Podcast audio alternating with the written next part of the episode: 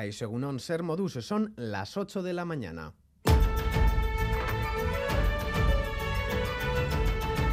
Crónica de Euskadi con Lier Puente.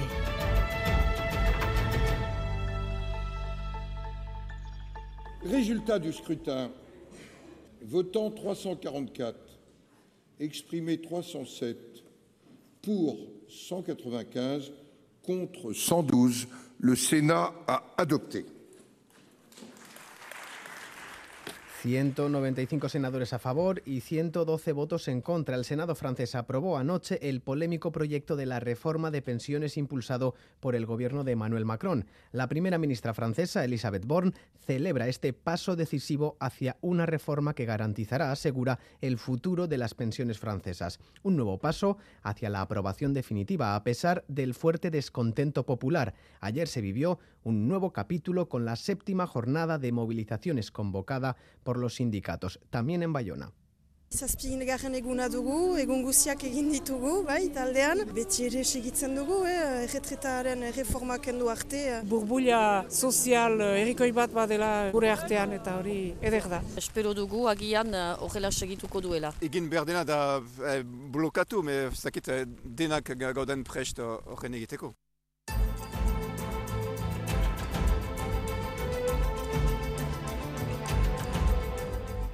La multinacional IBM ha elegido Donostia para instalar un superordenador cuántico, el sexto de estas características en todo el mundo. En Radio Euskadi hemos hablado con el profesor del Quantum Center de la UPV EHU Íñigo Egusquiza para conocer más de esta máquina, todavía una tecnología muy incipiente que necesita años de estudio.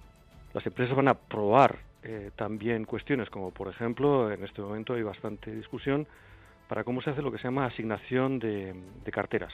Eso es un problema que están todo el rato los bancos y las empresas financieras, todo el rato analizando y todo el rato volviendo a recorrer unos programas numéricos enormes. Si conseguimos un ordenador cuántico más grande que este, que todavía no existe, ese tipo de cosas van a poder hacerse muchísimo más rápidamente y de manera más efectiva.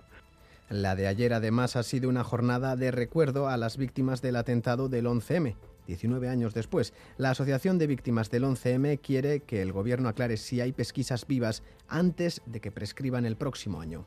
Sinceramente siento que, nos han tomado un poco el pelo. Pues si el delito prescribe, puede ser que en algún momento se considere o se sepa o se conozca quién fue ese autor o autores intelectuales, pero no se van a poder juzgar.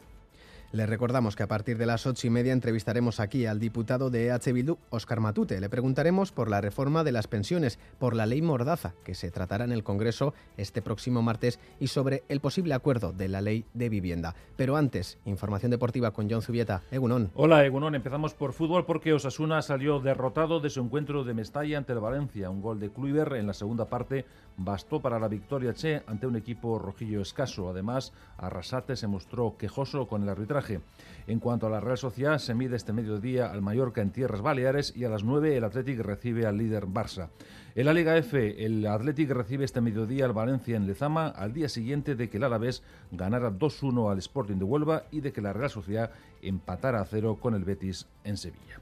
En segunda división, el Eibar se coloca líder después de ganar 1 a 0 al Burgos y el Alavés no pasó del empate a cero ante el Lugo en Mendizorroza. También hablamos de pelota porque el Ordi Zabaleta ganaron por 22-18, 22-14 a Peña y Mariz Currena en el Labrit en la apertura de la liguilla de las semifinales del Mano Parejas. En cuanto al baloncesto, Lula Vázquez se mide este mediodía al domicilio al Real Madrid y el Vasconia a la tarde al Betis. Además, en el derby de Maloste, el Guernica ganó por 64-58 al Araski. Y en el Mundial de Socatira de Belfast, 23 medallas para los tiradores euskaldunes, 18 por equipos y 5 por selecciones. Además, Irate Idiáquez se proclamó subcampeona del mundo en Girona en snowboard adaptado. Está siendo un fin de semana de temperaturas muy suaves, a una semana de que comience la primavera. Previsión meteorológica de Euskalmet, Egusquiña y Turrioz. Egunon. Egunon, durante las primeras horas de la mañana predominarán los cielos nubosos en la mitad norte y todavía podría caer alguna gota. Sin embargo, las lloviznas irán cesando y poco a poco se irán abriendo claros. En la mitad sur, desde primeras horas, el ambiente será mucho más claro. Hoy soplará el viento del sur, durante gran parte del día será suave y hará subir mucho la temperatura. En la mitad norte superaremos con facilidad los 20 grados y en puntos del litoral podríamos alcanzar los 22 o los 23 y luego por la noche el viento del sur volverá a intensificarse. Resumiendo, tiempo primaveral con claros amplios y temperaturas agradables a partir del mediodía.